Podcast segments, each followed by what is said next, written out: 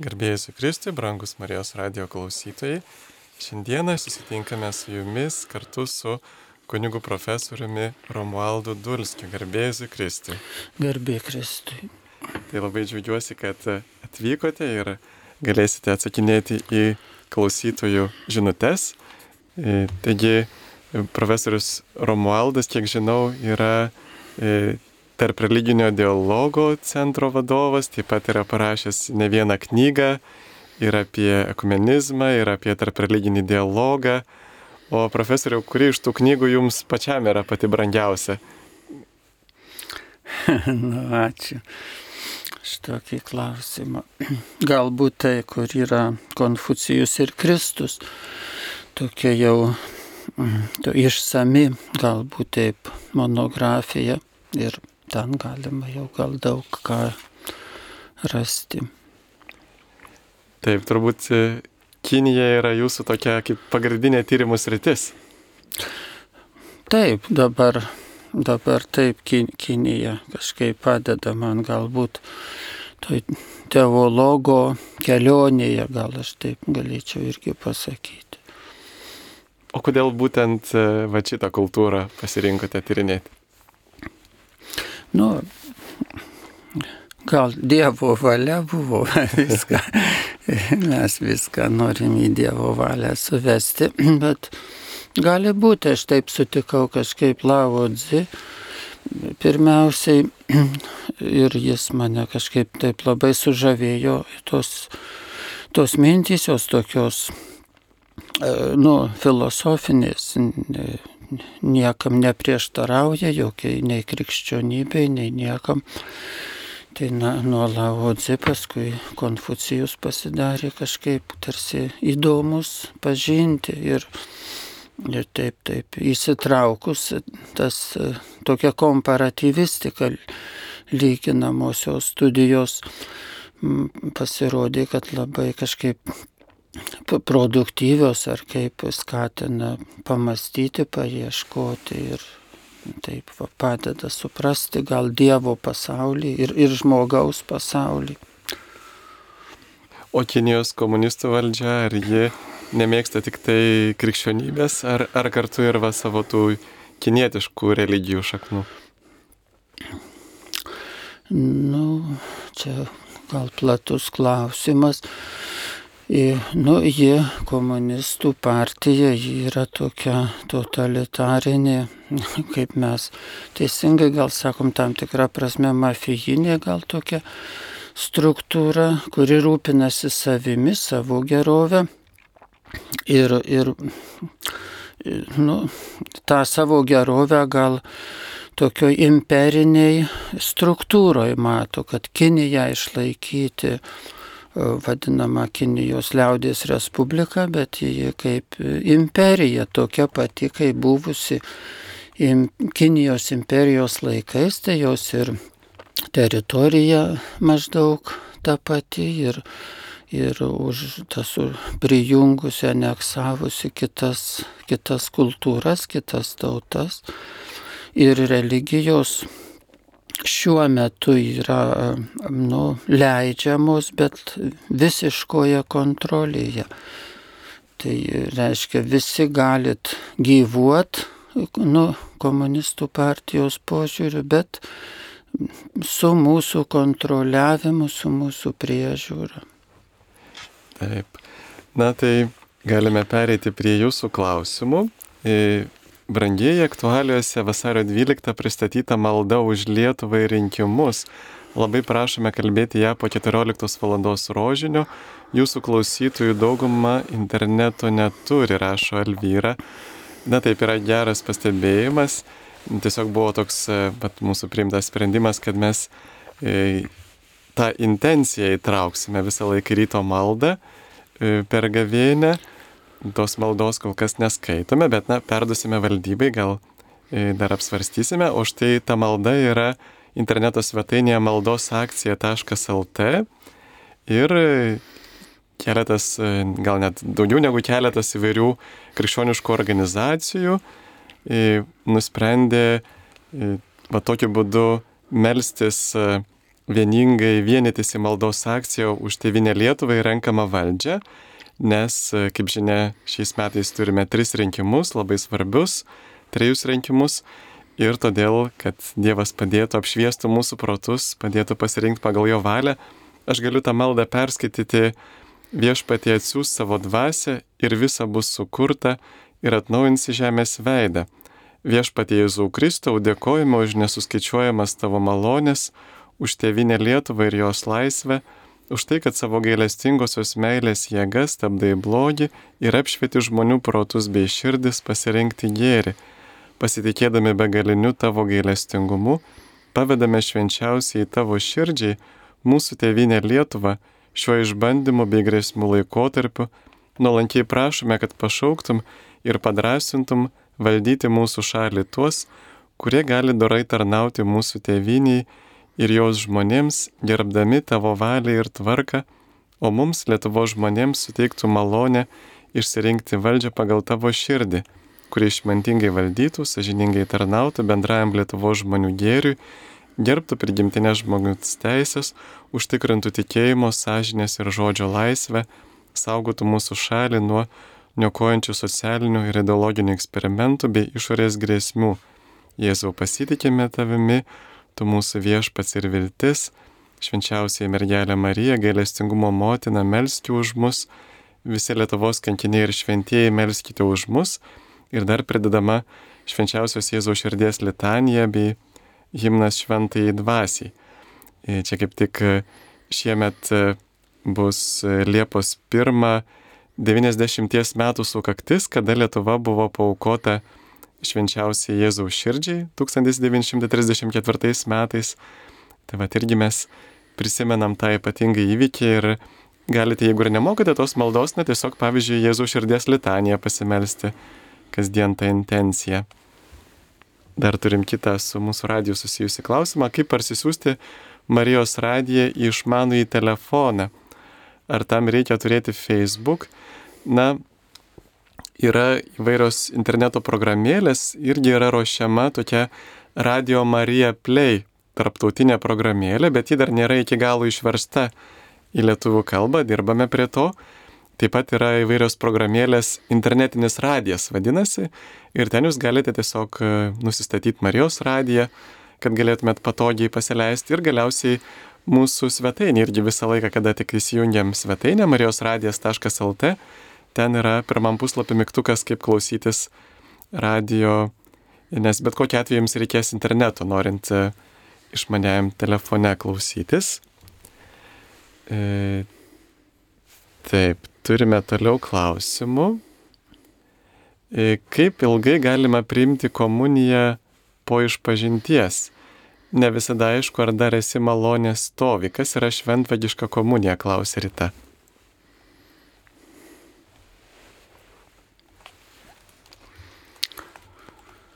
Nu taip, čia kai kas labai griežtai žiūri, kai kas labai lengvai, atlaidžiai. Tai tarp, tarp tokių jau, nu, net bažnytinių atstovų, kunigų ar vienuolių. Tai yra principas griežtasis, tai kai neturi žmogus sunkios nuodėmės, gali visada priimti komuniją.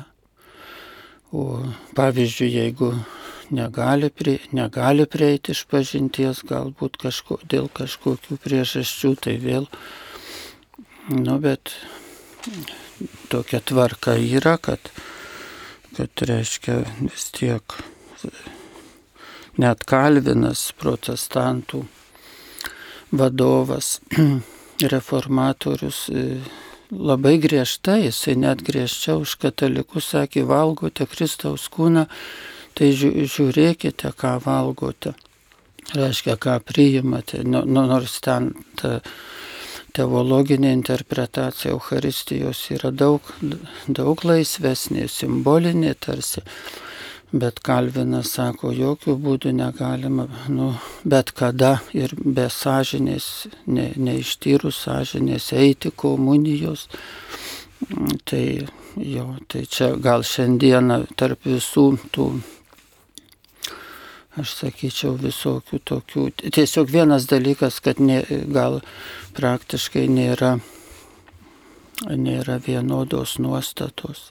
Po išpažinties kartais žmogus, e, nu taip griežtai imant pagal moralinę teologiją, jis negali gauti išrišimo, bet, pažiūrėjau, kunigai duoda išrišimą. Ir, ir tas ir per vyskupus tas yra kartais pasakoma, žinai, kad, kad duodame išrišimą, o tas išrišimas, tai kaip jis tada galioja ar negalioja, va tokio yra tam tikro čia mm, paslankumo gal ar kaip pasakyti. Kita kart žmonės nepaiso, žinai, to kažkaip subjektyviai, nu ir gal ar tai labai blogai. Sako, aš labai norėjau priimti komuniją, labai norėjau ir, ir, ir tada, nu, tai padariau savo tokią išlygą, priėmiau. Tai, tai bet, ką, principas toks, kad, kad vis tiek, nu, atsakingai kažkaip iš viso gyventi, gyventi atsakingai prieš Dievą. Nemanipuliuoti Dievu, bet iš mokytis iš Dievo, kad komunija kaip, kaip vaistas, kuris gydo mus, gal mums interpretuoti, galbūt galima irgi, kad ir, ir iš viso visi sakramentai gydo, malda, mes ateiname, kad pasveiktume, kad pagytume. O, o gal, dar, gal dar jūs ką nors kon, sukonkretinkite. Taip, tiesiog e, pats šventvagiška bus tada, jeigu samoningai ir laisvai padarome sunkę nuodėmę, nesigilim už savo nuodėmės, nesiryštam ateityje vengti nuodėmės, tai tuomet priimam šventvagiškai komuniją, na tiesiog būdami sunkios nuodėmės būsenoje. Ir aišku, jeigu mums kyla abejonė, visada geriau yra saugesnį kelią rinktis, prieiti iš pažinties Ir dar labai gera praktika, kur ir net mergelė Marija viena iš savo apsiriškimo vietų rekomenduoja, sako, kas mėnesinė išpažintis išgydytų vakarų bažnyčią, mums patareit kas mėnesį išpažinties, net jeigu ir neturime sunkių nuodėmių, tada mūsų dvasinis gyvenimas tampa daug gyvesnis. Klausia, koks yra šventosios dvasios gimnas, tai trumpai tai yra turbūt du, du himnai mums taip įprasti yra dvasia viešpatė ateik, žinot, šitą himną, kur ypatingai per sėkmines, prieš sėkmines gėdami ir kalbame, spindulių dangaus mums teik, žemės klystkelius nušviesk. Ir kitas yra, o dvasia viešpatė nuženk įvairiomis iškilmingomis progomis, per vestuves, per kunigų šventimus, aišku, galim ir šiaip kalbėti privačiai, tai tokie yra himnai šventosios dvasios.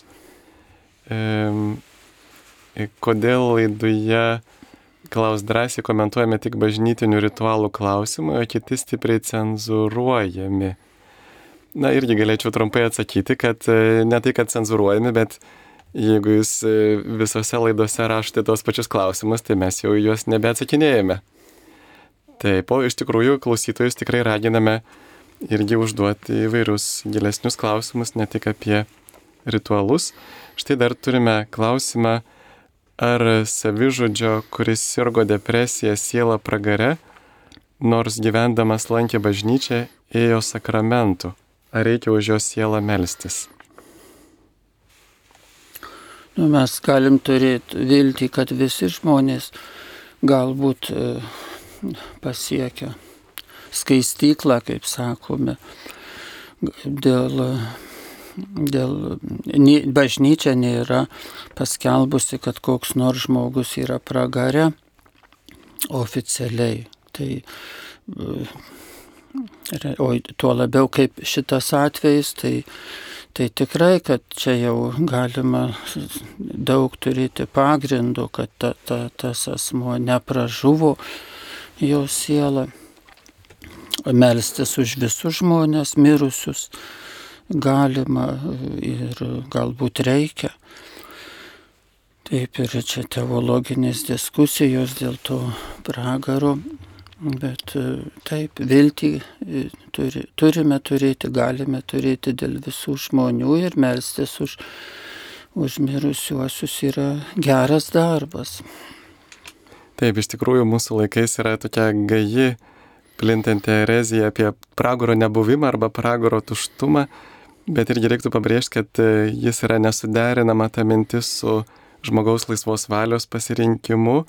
Ir, na, vat, kadangi tai yra atvira erezija, tai kai kurie prisidengia va tokio Baltazaro teologo mintimi, kad ne va mes galim tiesiog viltis, kad pragaras yra tuščias. Aišku, yra gera turėti viltį, bet e, taip pat turime ir šventųjų liudijimus, kad e, pragaras nėra tuščias. Pavyzdžiui, Šventoji Teresė Vilietė liudija apie tai, kad Dievas ją nusinešė į pragarą ir Šventoji Faustina irgi liudija ir sako, daugiausia sielų buvo, mačiau pragarę tų, kurie netikėjo pragaro egzistavimu, taip pat e, e, Fatimos regėtojai irgi liudija, kad mergelė Marija kalbėjo, kad daugiausia žmonių patenka pamirties į skaistyklą, mažiau į pragarą ir visai mažiau, mažai tiesiai į dangų. Tai be abejo, kad e, lyga e, panaikina, va, kaip ir jūs minėjot, lyga panaikina sunkia nuodėmė, nes sunkiai nuodėmė reikia pilno pažinimo ir pilnos e, laisvos valios. Ir dar vienas klausimas, kaip išvengti pragaro ir kaip padėti iš jo išsivaduoti ten esančioms sieloms. tai, tai kaip išvengti. O čia svarbiausia, kaip išvengti. Taip. Tai išvengti gyvenant su Dievu, mylėk Dievą visą širdimi, visomis jėgomis, visų protų, savo artimą mylėk, visomis dorybėmis, kaip, kaip save patį. Ir visa kita, ir visa kita. O iš pragaro bažnyčia sako, negalima išvaduoti jau. Bet, bet va, kaip mes melčiamės už mirusius, tai galvojam, kad jie, kaip sakome, skaistykloje. Tai yra. Ir, ir kadangi nežinome, kad kas nors tikrai būtų pragare, Tai melžiamės už tiesiog už mirusiuosius ir, ir ar melžiamės, ar gerus darbus galima tai padaryti, tą intenciją, už, už, kad padėtume mirusiesiems. Ir um, aukoti visą ką, sąžiningai atlikti savo pareigas tam, kad padėtume mirusiesiems.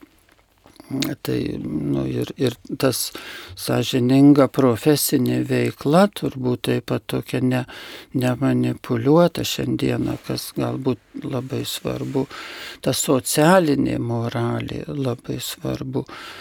Arba valstybių vadovai, kokie jų tikslai, ko jie siekia, tai va tas labai išvengti pragaro, būti socialinėje savo raiškoje, profesinėje, politinėje, visuomeninėje, nu, visur, kur viešajame gyvenime va, ieškoti Dievo valios, stengtis gyventi taip, kaip Kristus moko. Tai aš akcentuočiau, kad šiandieną labai tas, ta, tas rytis yra kažkaip nepastebima, galbūt arba norima ją kaip tai ignoruoti, kad Dievas tai gal tik malda arba dar kokie nors ten dalykai. O socialin, kas socialinėje srityje sąžiningas iki galo, tai tikrai yra kelyje į išganymą. Taip, kaip ir Jėzus kalbėjo, prisimename, mato 25 skyriui, kad e, į, į pragarą iš tikrųjų pateks tie, kurie nedarė gailestingumo darbų, ne, neparodė gailestingumo artimui. Ir be abejo matome, kad tokių žmonių ne vienas ir ne du, ir mes patys kartais tokie būname, bet dar turim laiko pasitaisyti. Ir e, kitas klausimas, ar tikėjimas Dievui trijose asmenise nėra nusižengimas prieš krikščionybę, kuri propaguoja tik vieną Dievą.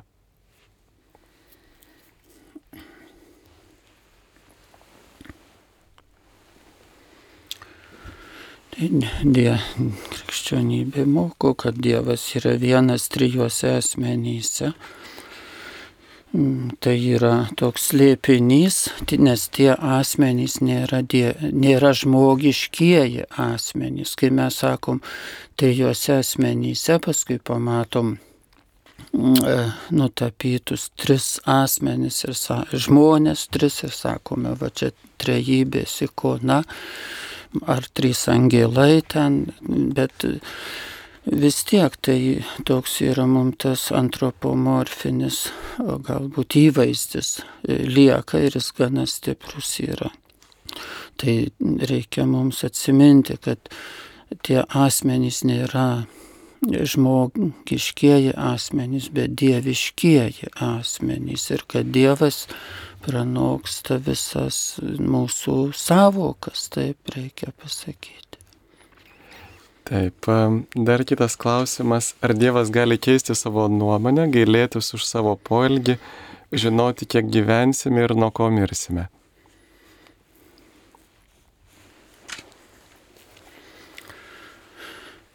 Taip, yra tokių nuomonių, kad Dievas tarsi tokioje raidoje yra pats, bet ta nuomonė yra, kaip sakant, viena iš nuomonių.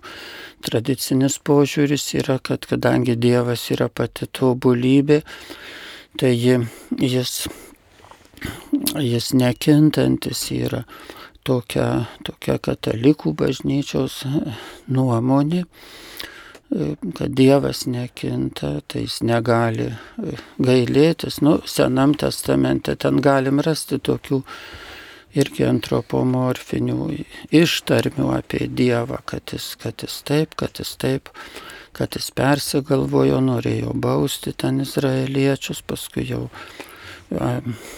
atsi, atleido jiems tarsi pokytis. Bet tai toks žmogiškas kalbėjimas apie tuos dalykus. O aišku, kad galvojame, kad Dievas viską žino, kas yra dabar, kas, kas bus ateityje, taip pat Dievas. Dievas žino, mm, tai bet, nu, ką, ką čia mums galbūt svarbu, kad gyvenimas keičiasi. Dievas galbūt ir taip yra stabilus, bet gyvenimas nėra stabilus. Ir ta Dievo išganimo ekonomija ji yra tokiam procese, raidoje, bažnyčia raidoje, Dievo, dievo žodis moko mus gyventi tokioje raidoje arba procese ar evoliucijoje. Turbūt čia galime taip, šiandieną nu, daug matome, kad, gyve, kad gyvenimas ir ir tas būtinis, ir dvasinis, ir Dievo veikimas e, istorijoje nėra toks statiškas, bet dinamiškas. Taip, dar kitas klausytojas klausia apie Švento Benedikto medalikėlį. Tai va, aš čia kaip tik atsiverčiau, galiu papasakoti, e, jūs, kurie gavote padėkos tokius e, atvirukus ir ten gavote taip pat medalikėlių Švento Benediktų ir ten yra įvairių raidžių. Tai va tos raidės e, yra, na, sutrumpinti, kaip pasakyti, pirmosios raidės tam tikrų žodžių lotiniškų. Va ant vienos pusės parašyta CSSML, reiškia Krux Sancti Patris Benedikti, švento tėvo Benedikto kryžius. Ir e, taip pat yra raidės, kitos raidės, kurios reiškia crux sancta sit mihi lux, non drachus sit mihi dux. E, tegul šventas kryžius būna mano šviesa, o ne drakonas arba slibinas arba šetonas mano vadovas. E, tai nebūna. Taip pat kitos raidės e, reiškia vadė retro satana, numkvam svadė mihivana, sunt malė kvelibas, ipse venina bibas. Eik šalin šetonė, niekada man nesiūlik tuštybių, blogis taurė, kurią pili, pats gerk savo nuodus. Maždaug taip. Tai yra toksai tradicinis būdas irgi pasakyti, pasakyt, kad mes atsiždame šetono ir kad mes stengiamės gyventi pagal Dievo įsakymus. Taip, kitas klausimas. E,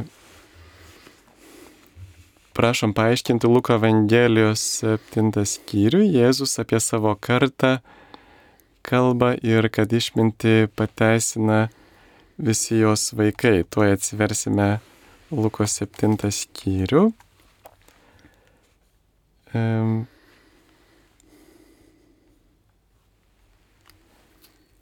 Taip, čia nais turbūt kalbama apie tai, kad um, apie tą palyginimą, su kuo aš galėčiau palyginti šios kartos žmonės, į ką jie panašus, panašus jie į vaikus, kurie susėdė prie kyvietėje, šaukė vieni kitiems, mes jums grojome, o jūs nešokote, mes gėdojame raudas, o jūs neverkite, buvo atėjęs Jonas Krikščitojas, jis nevalgė duonos, negėrė vyno, tai jūs sakėte, jis demono apsėstas, atėjo žmogaus sunus, valgantis ir gerintis, jūs vėl sakote, štai ir jūnas ir vyno gerėjas, muitininkų ir nusidėjėlių bičiulis.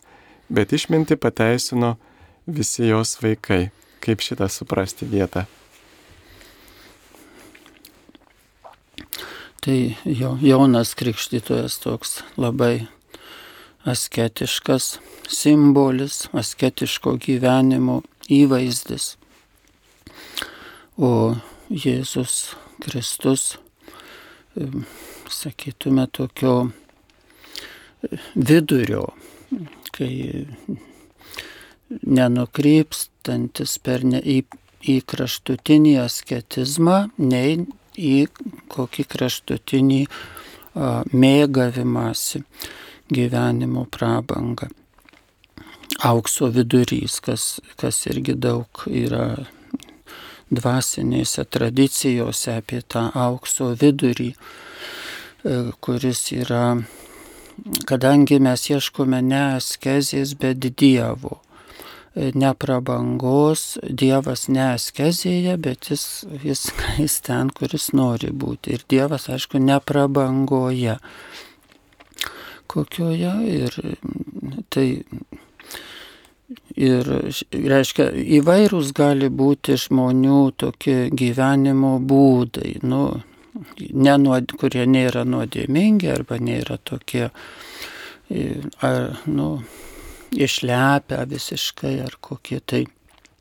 Tai Jėzus gyveno va tokį gyvenimą, jis buvo mokytojas, jam rūpėjo eiti, eiti per žmonės, keliauti po, po Palestiną, mokyti žmonės. Jono Krikštitojo misija buvo kitokia jis gyveno kitaip. Ir ta įvairovė mums sako, kad mes taip pat turim vieni vienokį pašaukimą, kiti kitokį. Vieni žmonės mm, kiek yra knygų apie tai prirašyta, taip pat, kad vieni žmonės gali e, labai daug pasninkauti, labai, labai asketiškai nu, gyventi, labai, arba kiti gali labai daug dirbti į veiklas pasinerti arba kiti gali labai pasinerti į mokslus, į studijas, arba kiti vėl gali kokie būti šventi menininkai, kurie per, per grožį atskleidžia, kaip Frangė Angeliko ar, ar kokie e, kiti, kiti. Tai ta įvairovė yra teisėta Ir čia tokia išmintis yra tame, kad mums atrasti save mes negalim pamėgdžiot nei, nei vieno, nei kito kokio asmens, bet e, tarptų įvairių kelių ieškoti, kokiu mus Dievas veda, koks mums yra įmanomas pagal mūsų sveikatą, struktūrą.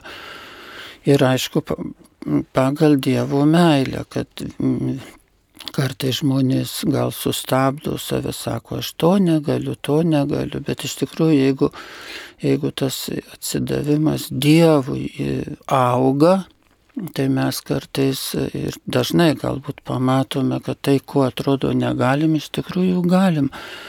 Ir dar daugiau galim, negu kad galvojom. Bet tikslas yra ta ta kokybė, ne pats gyvenimo būdas, ne kad ten gyventi taip ar gyventi kitaip, kokiu, sakytum, išoriniu pavydalu, kokia dienotvarkė tavo, bet koks turinys, nes ir Jėzus buvo Dievo, dievo žmogus, jeigu taip apibendrintai galim sakyti, ir Jonas Krikštytas buvo Dievo žmogus.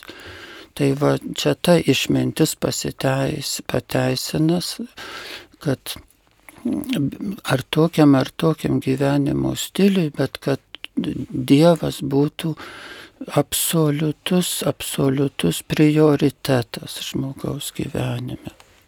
Taip, ir čia galėčiau pridurti, kaip ir Paulius sako, visiems tapau viskuo, tai Dievas bando visus vienai par kitaip išgelbėti, ir, o tas žaidimas, apie kurį ten Jėzus minė, yra, e, na, kad vaikai, e, kurie buvo kaprizingi, jie nenorėdavo žaisti nei laidotuvių, nei vestuvių.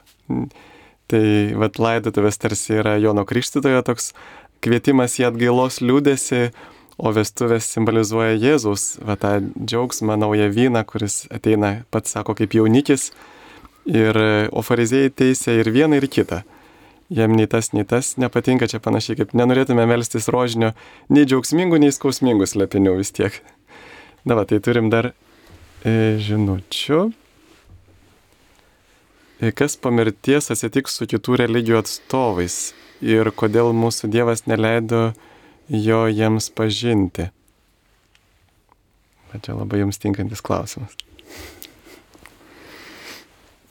O tai įdomu, kad kai kur yra, reiškia, tokia nuostata, tu žiūrėk savęs, kas atsitiks su tuo, kas atsitiks po mirties. Ir labai, reiškia, tai, nu į ką tu veiksi su tuo žinojimu dabar. Ar mums Ar mes turim laiko rūpintis, galvoti, kas ten kam atsitiks. Tu žiūrė, kaip gyveni. Vat. Čia religiniai mokymai mm, tokį blaivinimą pateikia. Sakykime, kad kiti mokytojai visiškai e, nekalbėdavo tokiomis temomis tam, kad e, parodytų, kad e, tai tau nieko nepadės. Tu žiūrėk savęs.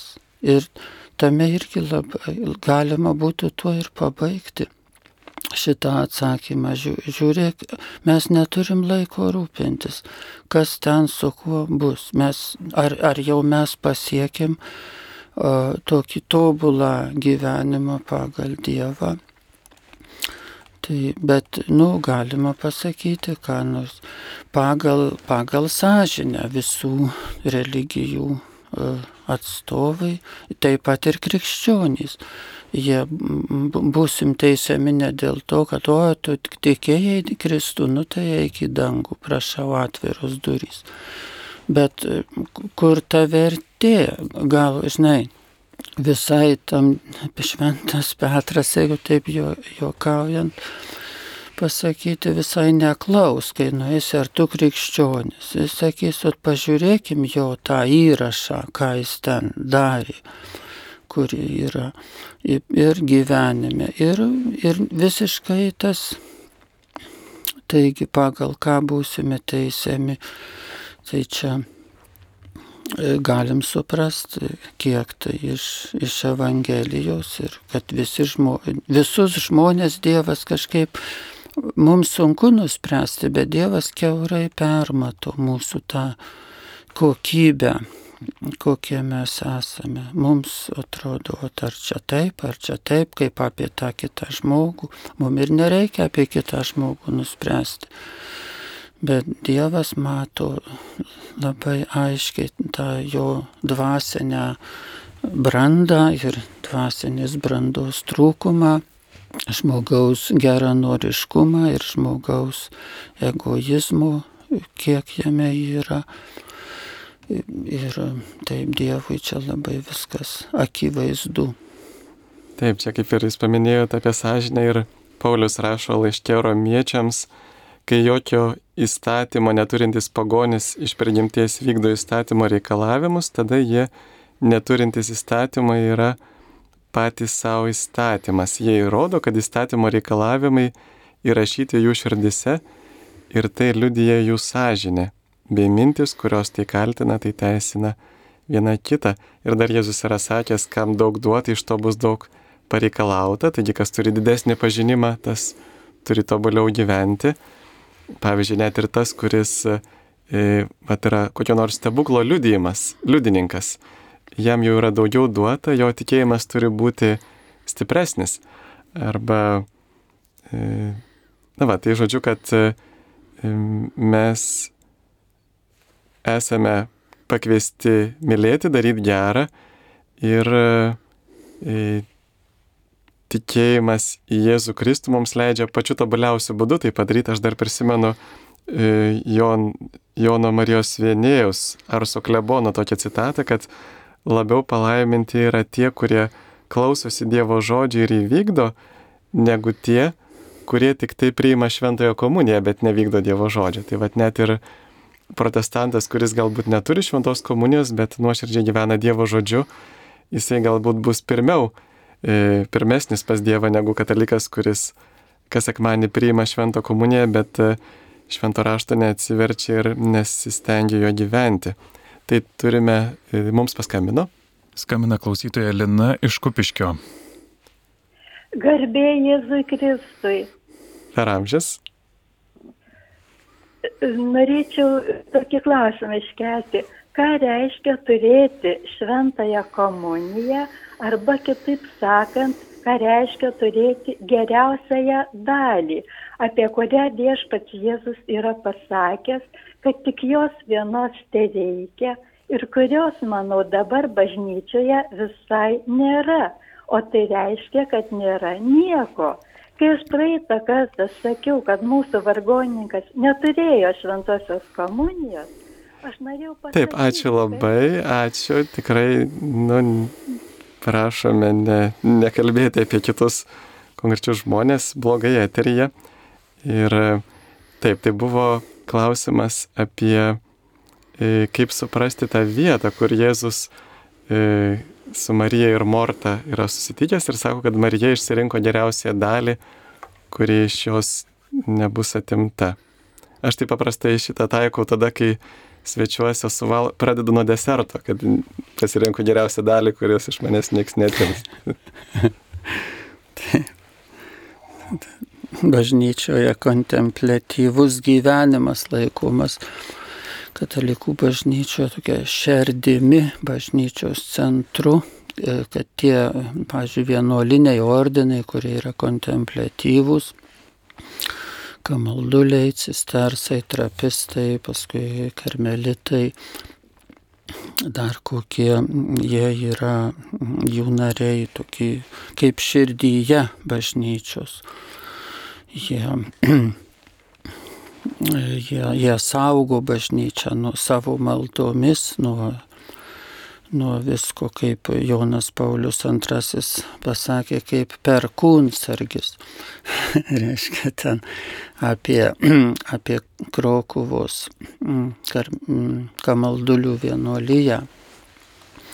Ir ten buvo istorinių kažkokių tokių įvykių su, su ta vienuolyje. Tai bet ir, reiškia, mūsų visų gyvenime tas kontemplatyvumas, nu, tai kai atsigręžiame į Dievą, kai melžiamės, kai ypač turbūt, kai nutilę melžiamės, nes kai sakome maldas, tai nu, gal ne, nesame taip suklusę, kaip tas toks e, kažko, kas čia yra pasakęs, kad kas yra intimiausia žmogaus gyvenime.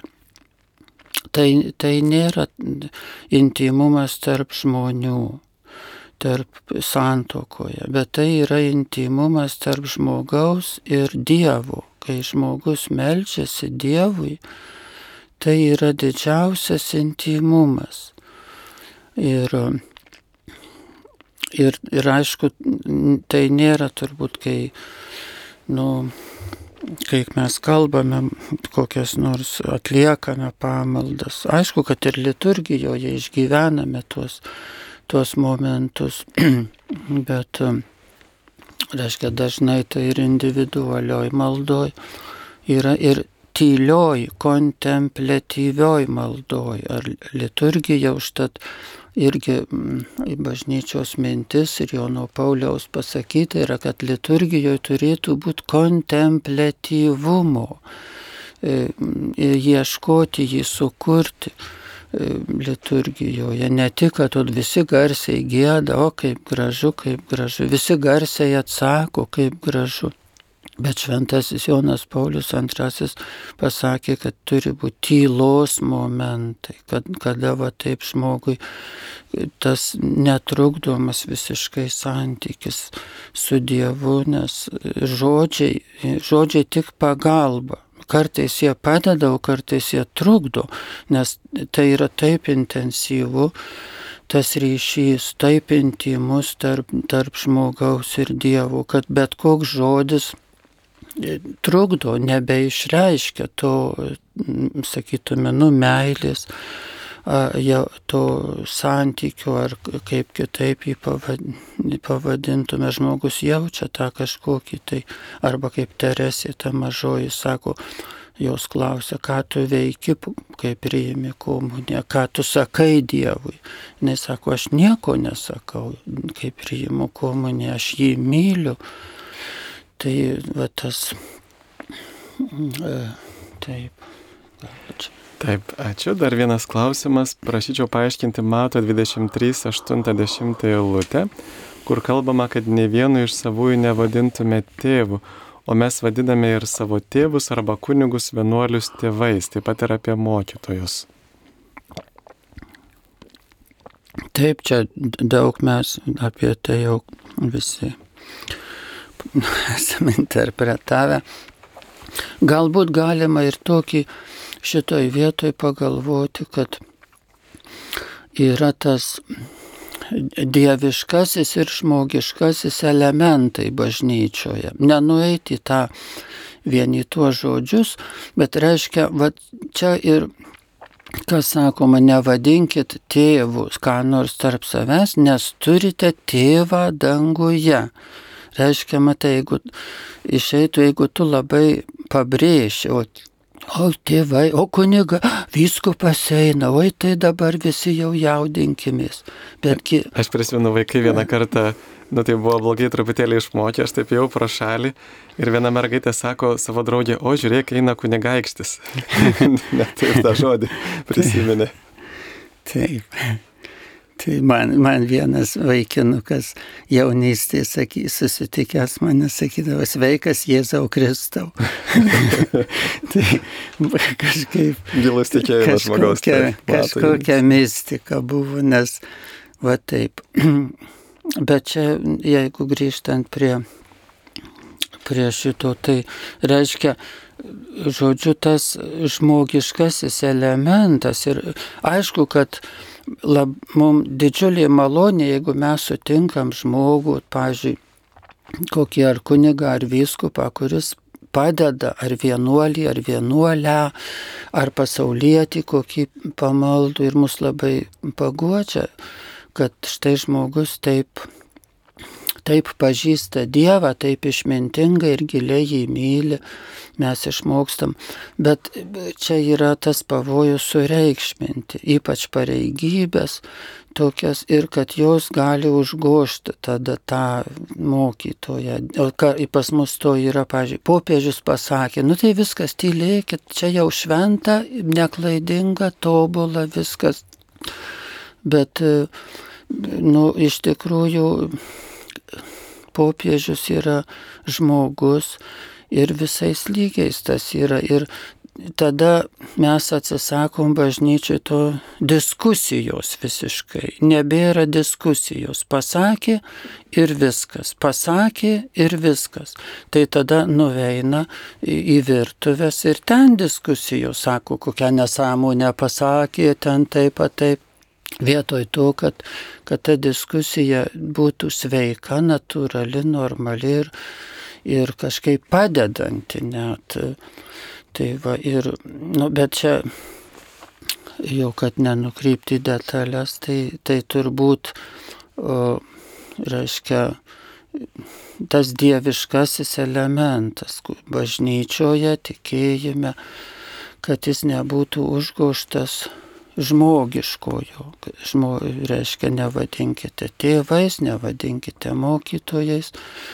Tai žiūrėkite visi, reiškia, kad, reiškia, nu, kad Dievo veikimas koks yra, ką Dievas sako, ko jis moko ir kad mes visi žmonės ar, ar vienokiose ar kitokiose situacijose, ar atsakingi už bažnyčią, ar bažnyčios tik nariai, bet kažkaip tą dieviškumui leistume veikti, Dievui veikti. O žmogiškumą kažkaip numokėtume palengti, tarnauti dieviškumui.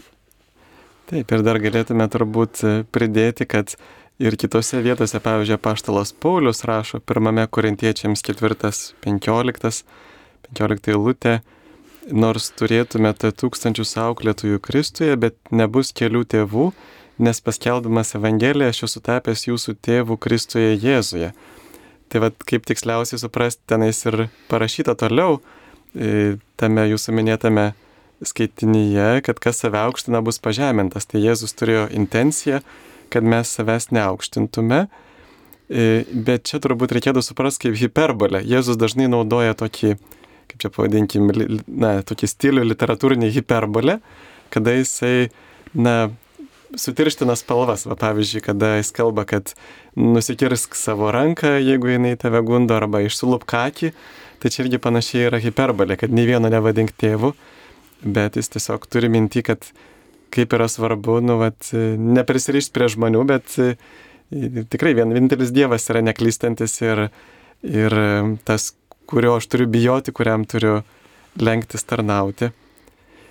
Taigi toliau, e, jeigu Dievas myli visus, Senajame testamente žudo kankina ir skandina nekaltuosius. Na, šitas jau klausimas buvo, bet galbūt jūs irgi naujai galėtumėte jį atsakyti.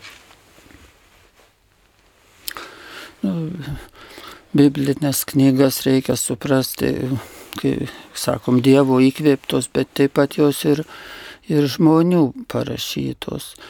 Tai reiktų tokiu, jeigu šiek tiek labiau gal tokiu analitiniu požiūriu žvelgti, kad tai yra tokie tam tikroje kultūroje, tam tikrų konkrečių žmonių pateikti pasakojimai ir žmonės kaip tie autoriai, kurie rašė, kaip jie mokėjo, kai buvo kitas visai laikmetis.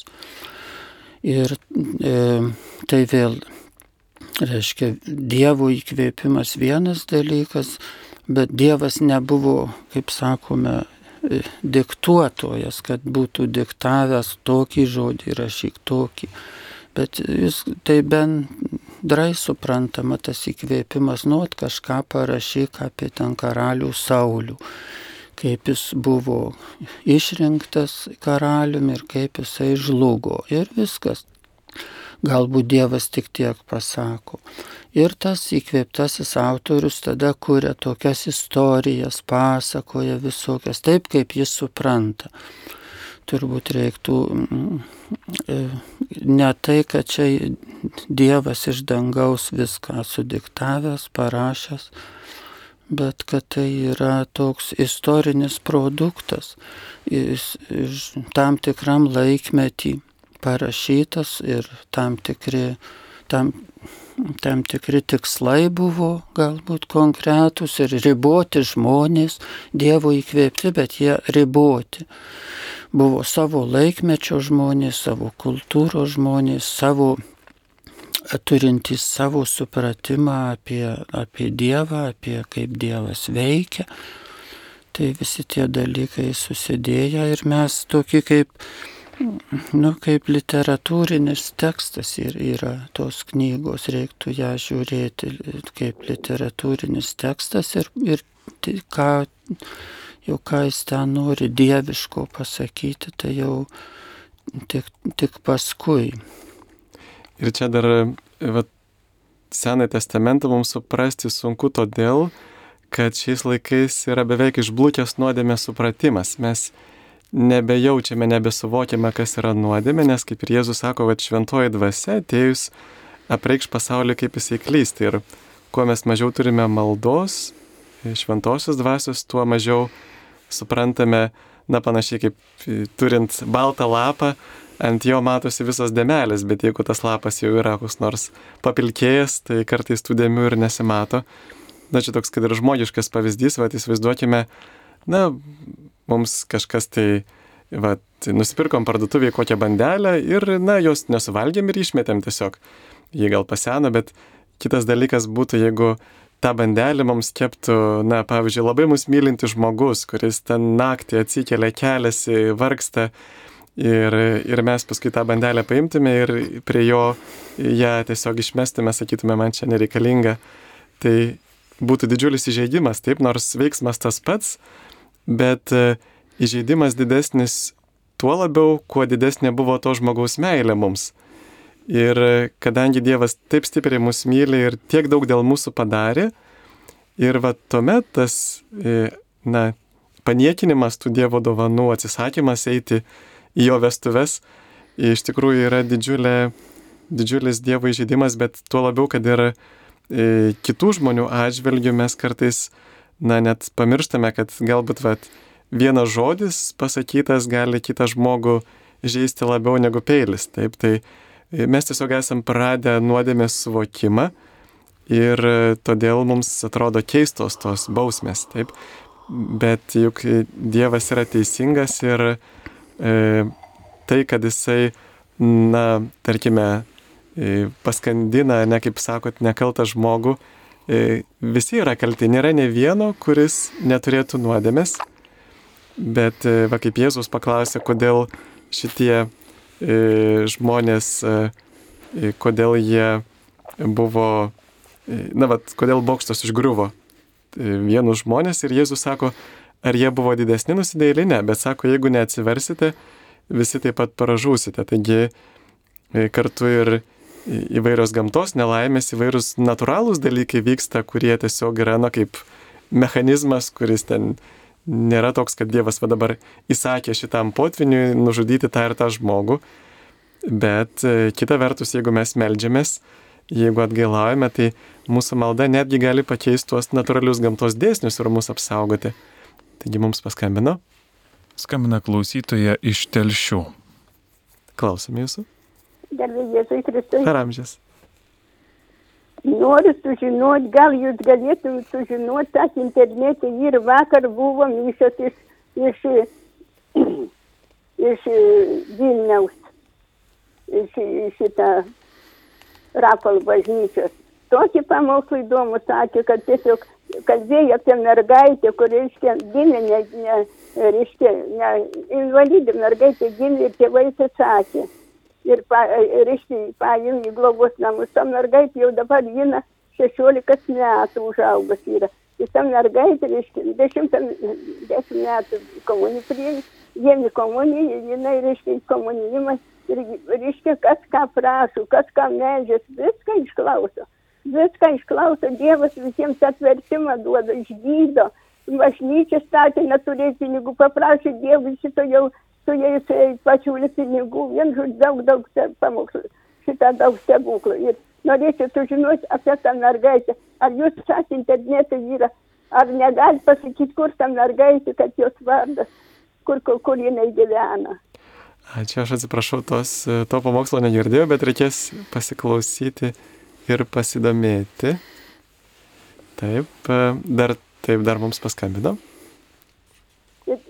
Dar, dar kitą noriu klausimą sakyti. Taip, Šitą, taip, klausome yra, yra knyga, reiškia, jūs paimkit iš Juliaus Asnausko Vaikalo žvėjys, kuniga rašyta ta knyga. Ir nesenai skaitė, Juratė Kodytė nebe, nebeskaitė, o, o skaitė, reiškia, per mažą studiją. Į tą knygą žino, kur ir šitą, Julius Asnauskas žino, kur ta knyga, ir jūs paimkit iš su Julius Asnauskas susisiekit ir paimkit tą knygą skaityti, ten Taip, nepaprastai. ačiū, jau, jau šitą sakėte, ačiū labai, dėkui. Taip, dar vienas klausimas yra, kodėl Mozė neišėjo į pažadėtąją žemę, neįėjo į pažadėtąją žemę. kodėl Dievas jo neįleido. Tai ten parašyta turbūt, kodėl Biblijoje. Duotas atsakymas, reikia paskaityti, rasime. rasime. Taip, kad, kad jisai na, nepasitikėjo e, Dievu ir ten sudavė į tą uolą du kartus. Bet man atrodo, čia labai gražus įvaizdis, kad e, Jozuje įvedė, o Mozė neįvedė. Ir e, labai toks prasmingas simbolis, kad, na, galėtume sakyti, provaizdis, kad būtent ne, deš, ne tik dešimt Dievo įsakymų mums reikia, nes, na, kaip Paulius rašo, kad mes žinom, norim daryti gerą, bet mums neišeina. Mes žinom, kas yra blogis, bet nepaėgiam jo nuo jo susilaikyti. Bet Jozuje tai yra tas pats vardas kaip Jėzus.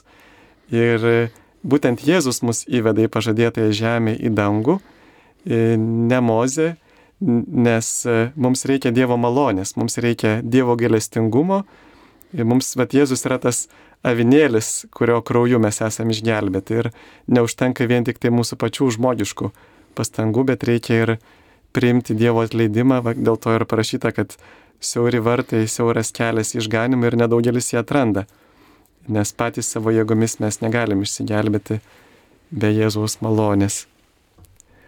E, ir nedalyvavimas šventadienį mišiose be priežasties laikome sunkia nuodėme. Ar, ar tai yra sunkia nuodėme, jeigu nedalyvavome mišiose šventadienį be priežasties?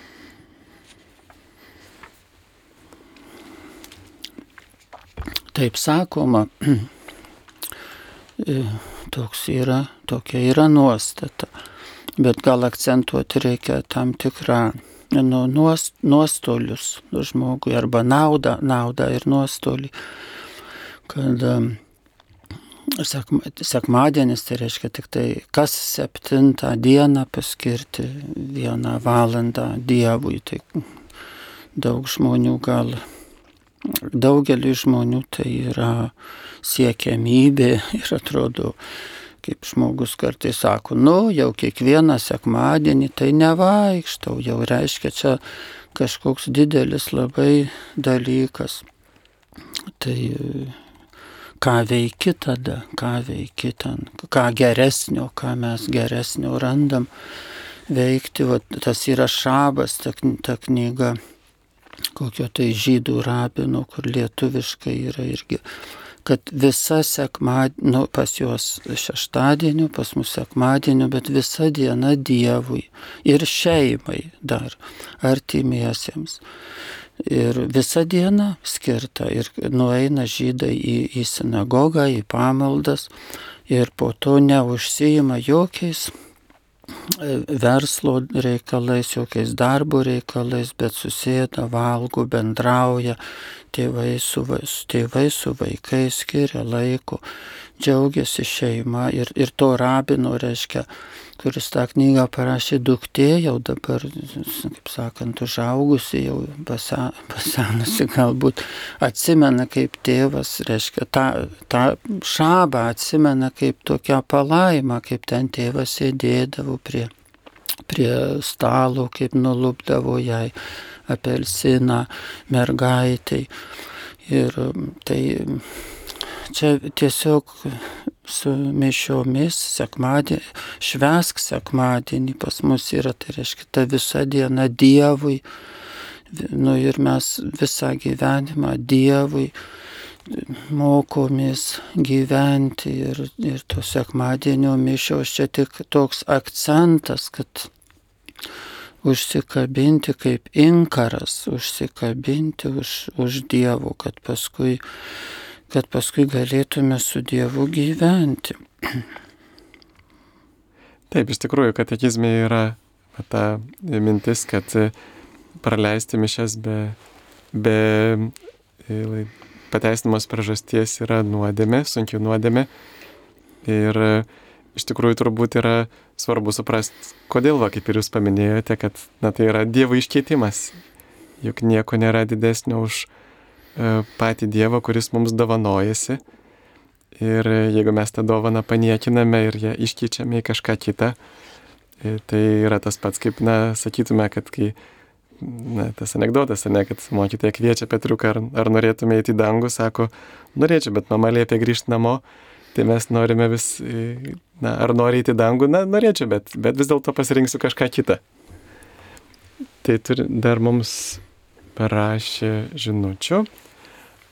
Ar norint pelnyti visuotinius atlaidus yra būtina visais atvejais pasimelsti popiežiaus intenciją?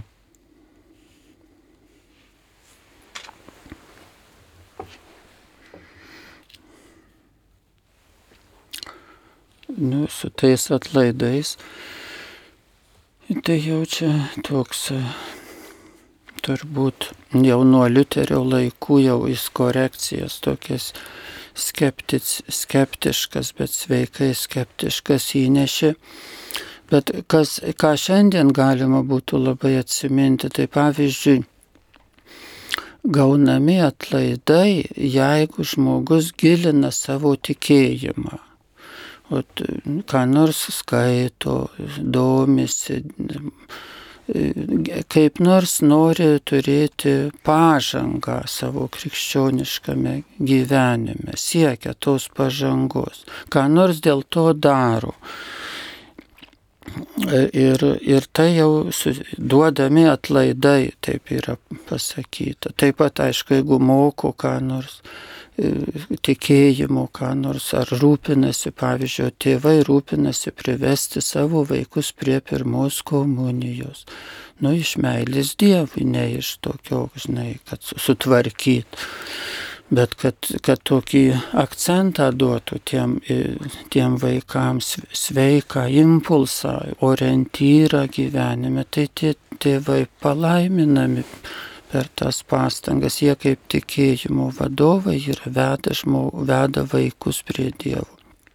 Tai ar mes patys artinamės prie Dievo, tobulinam savo, savo tikėjimą, ar kitiems padedam. Tai ir aišku, visi geri darbai, ką darom socialinėje srityje ar žmogus e, savo pareigas atlieka e, sąžiningai. Mes taip dažnai į tuos nuveiname į tokius tarsi geri darbai, tai jau kažką reikia papildomų nubėgti padaryti. Bet jeigu žmogus turi profesinę veiklą ir įsivaizduokim, jeigu ten viskas labai labai sąžiningai, įvairiais atžvilgiais atliekama, reiškia rūpinamasi pavaldiniais teisingai, rūpinamasi teisingumu savo institucijoje ar bažnytinėje, ar, ar pasaulietinėje institucijoje, kad, kad viskas nebūtų kokiu nors blogybių, jeigu, jeigu vadovai jeigu valdiniai vėl savo ruoštų, kad ir, ir visą gyvenimą žmogus taip tą profesinę veiklą, mes kiek dešimčių metų atliekame ir jeigu jie atliekama nepriekaištingai, tai čia didelis dalykas atlikti nepri, nepriekaištingai. Mes tiesiog nematom, nepastebi, daug žmonių nepastebi tų trūkumų, kuriuos, kuriuos daro profesiniai veikloj ir kitų, kiti žmonės sužeidžiami. Ir arba kompetencijos, pasakykim, kelti kompetenciją savo profesinę. Tai, tai dėl to, kad tu tada geriau tarnauji kitiems žmonėms. Taip, mums paskambino. Skambina klausytoja Genė iš Vilniaus rajono. Taip, mėla Genė, prašome. Garbė Jėzui Kristui. Per amžius. Aš norėjau tokį klausimą užduoti. Pavyzdžiui, jeigu kunigas tave per mišes nekaltai apkaltina viešai, ar reikalinga vieša atgaila kunigo prieš bažnyčią viešai atgailauti? Pripažinti savo, kaip sakant, kaltę. Va tai norėjau ačiū, paklausti. Taip, ačiū. Nu, jeigu taip, jeigu apkaltina, taip, jeigu neteis, neteisingai apkaltina, ar kunigas ar ne kunigas, jeigu viešai, kur nors viešai žmogus apkaltinamas, tai viešai turi būti atšaukta tas, ta, ta neteisybė, jeigu viešai padaroma neteisybė viešai, tai į teismą galima paduoti. Ir, ir teismas pripažįsta, kad tai padaroma žmogui įvaizdžio, sakykime, žala, kad ir tas žmogus gali tuo savo įvaizdžiu ir mažai rūpintis, kitam tas labai rūpi, kitam čia, žinai, yra pinigai susiję su įvaizdžiu. Tai, bet, bet šiaip, ir kad ir paprastam gyvenime, tai žinoma, kad jeigu nekaltai kas nors, ką nors apkaltintų, mes čia, ne, kaip sakant, konkrečiu atveju, tai čia nežinia, kaip, kaip, kaip kas, bet e, reiktų jau ištirti.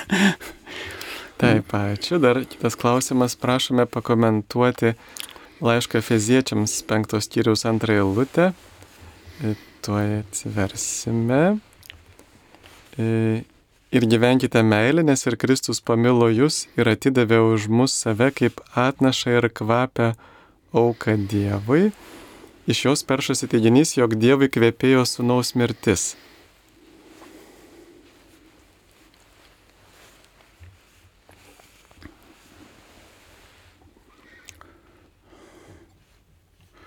Nu tai čia reikia truputį, taip, ne, nežmogiškai gal čia reikia mąstyti taip. O kas čia norėta pasakyti. Ta, au, tai pavyzdžiui, motina, kuri prie sergančio vaiko tenai per naktis būdi. Ar ji kvepia? Dievui ji kvepia ir tam vaikui ji kvepia.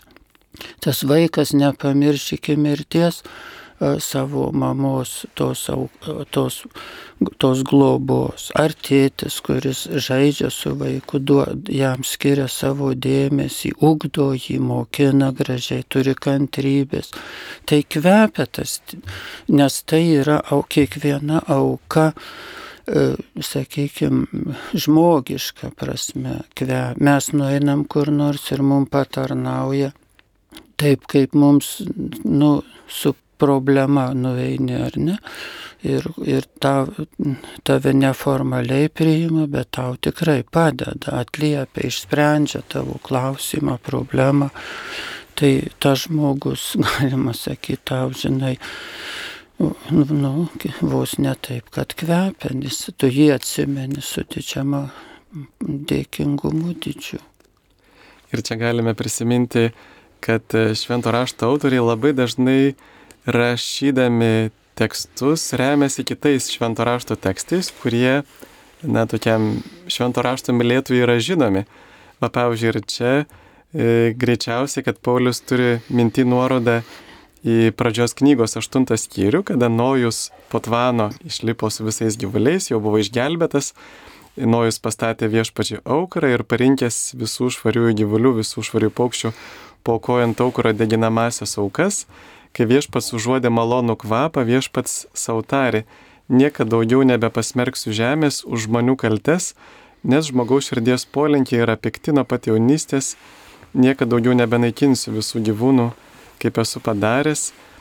Na, va ta mintis, kad Jėzus tarsi ir perina tą e, tvaną per savo krikštą, tai per mirties krikštą ir jisai pats atiteisė už mūsų nuodėmės iš meilės ir todėl Dievas niekada daugiau nebepasmerks va, tų, kurie priima Kristų. Tai čia turbūt yra visą laiką gilesnė prasme. Taip, kitas klausimas. Kiek pamilusiam... Aha, taip, mums paskambino. Skambina klausytoja Ona iš Alitaus.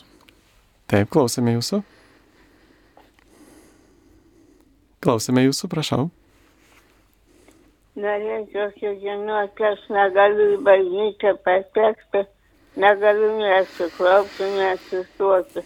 Ar man misijos klausant iš yra kokia nauda, ar aš, nu, per radiją, ar aš, ar mano malda tinka ar netinka, kad aš atsėdėdama ar gulėdama medžiuosi. Ačiū, taip. Tai žinoma, ligoniai visokie ir maldos ir kartais mes nuvertiname senus žmonės, bet jų maldos kartais išmeldžia didelių dalykų.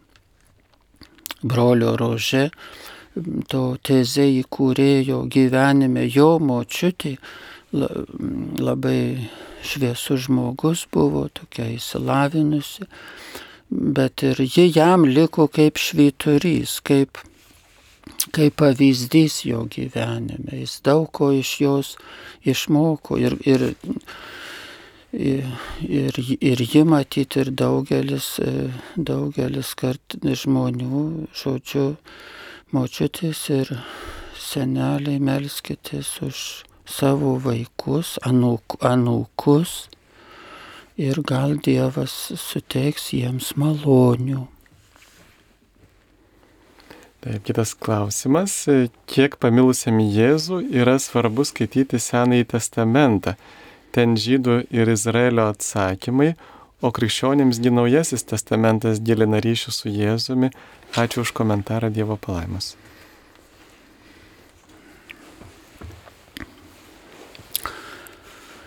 Na, Taip,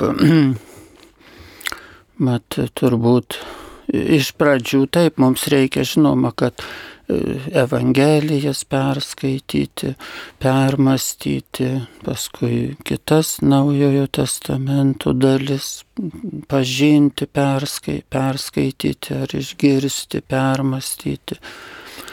Ir, ir Senas testamentas kaip sudėtinė Biblijos dalis tokia perspektyva, kaip ten buvo anksčiau, kaip žmonės mąstė, kaip ieškojo Dievo. Tai ir, ir, ir tam tokiam platesniam turbūt kontekste, šiandieniam kontekste, e, ieškoti Dievo turbūt yra irgi nu, labai sudėtingas dalykas. Kartais mes nu, galvojam, kad kokie nors žemiški dalykai, kaip uždirbti milijoną, nu tai ar, ar dešimt milijonų, tai čia reikia ir talento, ir juodo darbo, ir, ir kažkokio išvalgų kažkokių arba kitus dalykus padaryti žemiškus. O, o Dievas taip paprastai perskaitė Evangeliją. Nu, yra yra tas. Bet yra ir, ir, reiškia, ir tas, ir tas. Dievas ir čia pat, bet jis yra toks didis. Ir mes tokie patys, mes, mes galime taip čia pat sudėti rankas ir sakyti, Dieve, aš tave visą, visą savo širdį tau atiduodu. Ir tas gali būti labai tik, tikri žodžiai. Bet kartu ir gyvenimas toks sudėtingas ir, ir daug jame visko, ir Dievas toks begalinis. Ir mes tokie, a, nu, žmonės, mes turim įvairių talentų, vienus suvokiam, kitus, kitų nesuvokiam, kad turim tų talentų, net neįtariam, kad jie yra, o juos galbūt Dievas ir nori, kad išskleistume. Va taip. Tai mes savęs nepažįstame. Nu paskaitykit kokius nors ten pasaulinio garso psichiatrus. Ką jie kalba apie žmogaus psichikos gelmes. Ir tai reiškia, tai parodys, nu, ir, ta, ir, ir galime ir Senam testamente, ir Naujam rasti tas, tai irgi žmogaus tokias gelmes. Sėdi ten koks amatas, muitinė ir skaičiuoja savo pinigus. Ir tai būtų ir skaičiavęs visą gyvenimą apaštalų tapo, bet jis ne tik apaštalų tapo, jau visa siela prisipildė Dievo jis šventuoju tapo, tai jis, jis Dievo atvaizdu tapo. Ne tik užėmė ten pareigas, kad jis nuėjo ir pradėjo Jėzų skelbti, ar Petras, visa, ar, ar kiti apaštalai, jų sielos visos persimainė, kaip, kaip Jėzaus ant to, ant to atsimainimo kalno. Galima sakyti, tų apaštalų asmenybės persimainė, persikeitė, subrendo ir, ir tam, kad mūsų, mūsų asmenybės persikeistų, subręstų, išsiskleistų į visą plotį, kokį Dievas nori, ir į visą gilį, kur, kur yra mums skirta pažinti. Tai čia, čia iš tikrųjų mums skubėti, kaip sakytume, reikia skubėti, nežiopsoti, skubėti, pradėti šiandien, dabar ir visą su visa galva panirti į dieviškuosius dalykus. Taip, ir ypatingai šiais laikais e, mes turime įvairių e, knygų, komentarų, kuriuose yra nuorodos, va pavyzdžiui, kur tas Naujo testamento skaitinys, va kaip ir ką tik kalbėjome apie tą Nojaus ištrauką, jisai slypi senajame.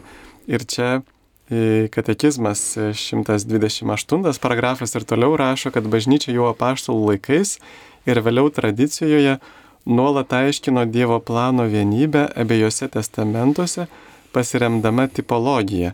Pasak jos, Dievo darbuose senojoje sandoroje randami pirmavaizdžiai viso to, kad Dievas laiko pilnatvėje atėjus yra įvykdęs įsikūnijusio žodžio sunaus asmenyje.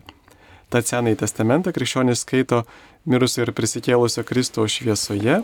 Toks tipologinis skaitamas rodo neišsemamą Senojo testamento turinį, tačiau negalime pamiršti, kad jo vertę sudaro prieškimas, kurį pats viešpats patvirtino. Beje ir Naujasis testamentas skaitytinas Senojo testamento šviesoje. Pirmykštė krikščionių katechezė nuolat jo naudodavosi, anot seno priežodžio, senasis, Senajame testamente slypi naujasis, o naujajame atsiskleidžia senasis. Taigi iš tikrųjų labai praturtina ir labai daug įdomesnė tampa E, Biblijos vat, studijos, kada mes e, galime taip pasiremti ir Senuoju testamentu, todėl tikrai svarbu yra pažinti Seną testamentą. Ar nuolat kartojamas esu kaltas nemenkina Dievo pagal savo paveikslą sukurto žmogaus orumo ir netrukdė atrasti tikrai meilės santykius su kurėju.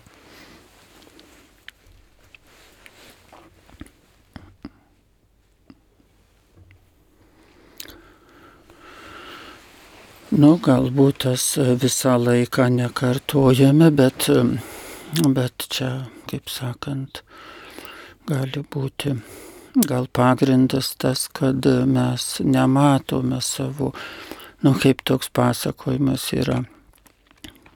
Ateina jaunas vienuolis pas seną ir sako, tas jaunas vienuolis, žinai, sako tėvė, vad anas brolis, kur ten gyvena, tai jisai šventuosius angelus regi. O, o senasis vienuolis sako tai, kad angelus regi, tai aš nesistebiu, bet aš stebiuosi, jeigu koks žmogus savo nuodėmės regi, tai tada jau čia įvykis. Ir tai mes, reiškia, mes galvojam tokioj iliuzijoje esam, kad viskas gerai. Ar tu geras krikščionis, ar tu geras žmogus, tai žmogus sako, aš kaip visi, reiškia tvarkoj, problemų nėra su manim. Aš kaip visi einu per Velykas, kas antri metai į bažnyčią. Ir čia sako gerai, o ką? Kitas, kitas krikščionis, nu aš einu kas sekmadienį, va jeigu kas klausia, aš garsiai sakau, aš krikščionis dėmesio žinokit. Tai viskas gerai, nu gal aš dar dalyvauju kokiuose evangelizacinėse programuose ir tai viskas gerai su manim. Nu ir taip toliau. Ir reiškia, bet jeigu mes prieš, su kuo mes lyginamės, ar su kitais, ar mes su, su šventaisiais, pavyzdžiui, jeigu lyginamės ar ne, mums reikėtų gal taip, tokia, kad perspektyva būtų, reiškia, koks tu turi būti. Arba su, su Dievu, su Jėzumi Kristumi, su, prieš Dievo šventumą, kada mes atsistojam ir tada matom savo, nu dėl ko tas kalt, kaltas, kad ne, čia ne kad save kaltinti, teisingai, jeigu žmogus tik kaltina save lyg engia, tai čia absurdas, bet jei tik tiek, bet jeigu, sakykime, pamatai tą atstumą tarp to, kur esi ir kur galėtum būti. Tai ir tada tu eini, tu sakai, o dar mano kelias. E, turi perspektyvą, dar. Aš nuėjau jau 10 km krikščioniškų kelių, bet žiūriu, kad dar 10 km prieš mane kurių aš nenuėjau. Tai čia va ta prasme esu esu kaltas, kad aš pamatau perspektyvą. Duok Dievę pamatyti man perspektyvą, kur aš turiu eiti. Taip, mums paskambino. Skambina klausytoja Goda iš Mažieikio. Klausome jūsų. Garbė Jėzui Kristui. Per amžius. Šitą man taip e, kalba kartais per Marijos radio rytais, ne visada kalba valandų liturgijos rytmetinę maldą. Ir ten yra tokie žodžiai. Nebūkite e, e, kita širdžiai kaip prie neribos. Ką tai reiškia tie prie neribos? Ir paskui dar toj pačioj maldoje yra 40 metų atgrasi tauta man ši buvo. O tai koks čia laikotarpis, nors matė mano darbus ten yra taip. Bet tai apie ką čia dabar? Taip, ačiū. Na, aišku, 40 metų tai, kad jie 40 metų klajojo dikumoje, nes e, Dievas neįvedė jų iškart į pažadėtąją žemę, norėjo, kad jie išbandytų jų širdį ir galiausiai, kad karta pasikeistų, nes e, tie, kurie žvalgė 40 dienų pažadėtąją žemę ir Dievas liepė jiems į ją įžengti, jie išsigando tų vietos gyventojų ir na, nepakluso Dievui. Tai Tuo tarpu Meriba yra būtent ta vieta, kur jie murmėjo, kur e, barėsi dikmoje ant mozės, e, sakė duok mums gerti ir jie murmėjo, sako, nejaugi išvedė iš Egipto troškulį nužudyti mus ir mūsų vaikus. Ir e, tada Mozė jau netekęs kantrybės šaukėsi viešpatė, sakė, ką aš turiu daryti su šitą tautą, dar truputį jiems mane akmenimis mušti. Ir e, tada jisai atliepia suduoti e, lasdą į uolą, kad ištrykštų vandens. Ir pavadino tą vietą Masair Meriba, dėl to, kad izraeliečiai barėsi ir mėgino viešpatį, sakydami, ar yra viešpas tarp mūsų ar ne. Tai Masair Meriba reiškia būtent tą frazę, ar yra viešpas tarp mūsų ar ne. E, taip, toliau kitas klausimas. Kur ir kada profesorius Dulskis klauso iš pažinčių?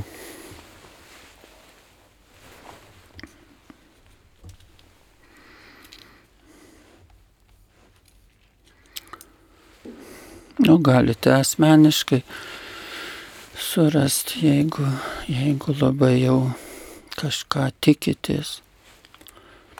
Bet turbūt visą laiką katedrai prieš mišęs ir, klausėt. Taip, tikrai katedrai surastumėt mane. Kauno katedrai, taip. O, o kai kuriomis dienomis jūs aukojate mišes? Dažniausiai sekmadienį 9 ryto. Taip, ačiū. Jobo 19 skyriui 25-27 lūtėje kalbama apie atpirkėjo ir Dievo regėjimą iki Kristaus pakomentuo, gal galėtumėt pakomentuoti plačiau. Tai perskaitysiu tas eilutes, juk aš žinau, kad mano atpirkėjas gyvas, galų gale jis pakils kaip liudytojas žemėje net tada, kai liga bus suėdusi mano odą, dar savo kūnę regėsiu Dievą, aš pats jį regėsiu akimis savo, o ne kito, to trokšta širdis mano krūtinėje.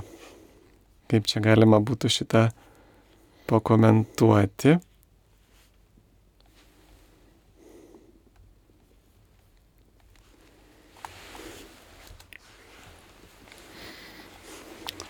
Gal bendras Jobo knyga, tai toks, kas yra Jobo knyga, tokia didaktinė, ne istorinė knyga, ne faktinė medžiaga ten, bet yra toks gražus ir prasmingas pamokymas, sugalvota istorija.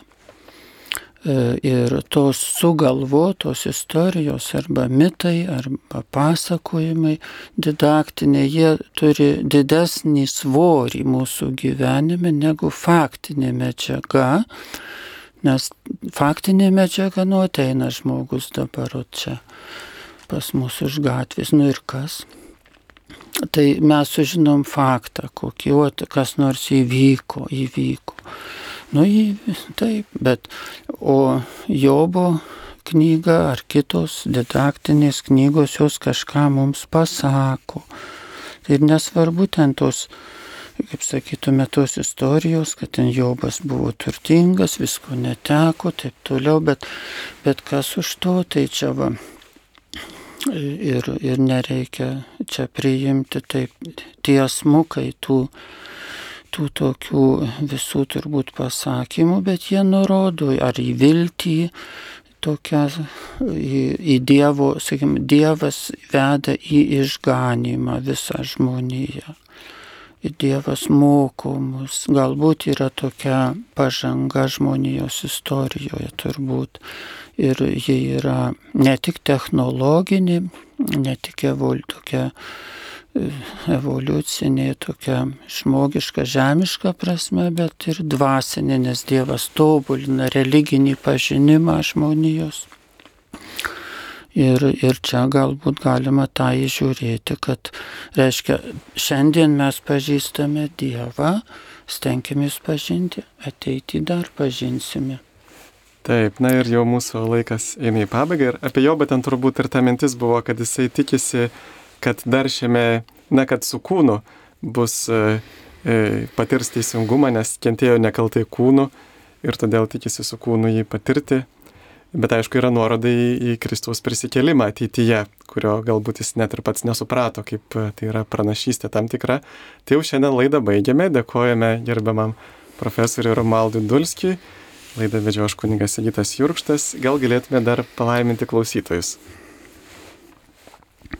Gerai, te palaimina mus visus Dievas, te pripildo savo malonės, šviesos, savo dievystės, tėvas, sūnus ir šventoji dvasia.